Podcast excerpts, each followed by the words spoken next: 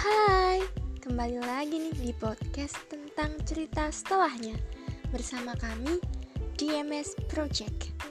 Sebelumnya, terima kasih untuk kalian karena sudah mendengarkan podcast ini. Semoga kalian suka ya.